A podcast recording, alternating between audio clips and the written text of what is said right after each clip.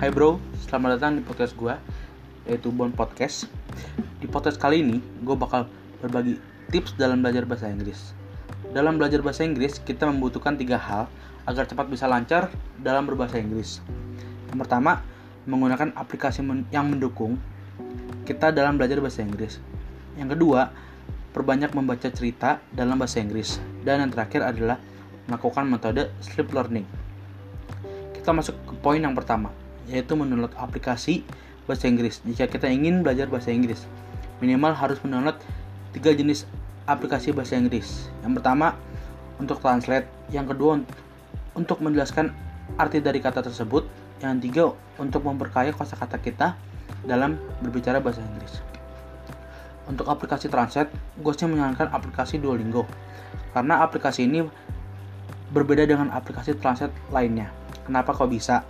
Sebab aplikasi ini membuat penggunanya merasa merasa bosan karena di aplikasi ini tidak bisa berinteraksi layaknya dalam sebuah game. Dan juga terdapat tingkat kesulitan yang berbeda dan bervariasi dalam setiap tahapannya. Dan kedua, adalah aplikasi kamus Inggris yaitu Dictionary. Di, di aplikasi ini banyak sekali penjelasan-penjelasan kata di bahasa Inggris dan kita di sini memiliki fitur-fitur yang berguna sekali bisa menggunakan suara untuk mencari sebuah kata dan di aplikasi ini kita bisa mengasah vocabulary kita. Dan yang terakhir Webster Thesaurus. Di sini kita bisa melatih kosakata kita dalam berbahasa Inggris seperti sinonim dan antonim. Nah, keunggulannya di, aplikasi ini sudah banyak sekali terdapat kosakata yang baru. Hal yang kedua adalah sering membaca cerita dalam berbahasa Inggris. Terakhir gue tadi baca cerita tentang percintaan yang berjudul Jane Eyre. Ini cerita bagus sih.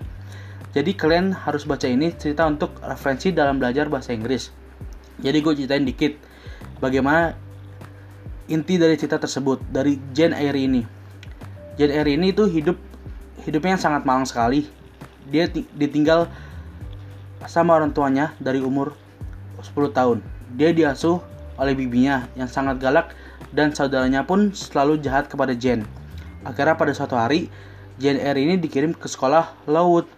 Di sana dia memper memperlakukan sama seperti sama seperti dia diperlakukan oleh bibinya. Singkat cerita, Jen Eri bertemu dengan seseorang pria yang bernama Rockstar yang memiliki sikap dingin dan sinis.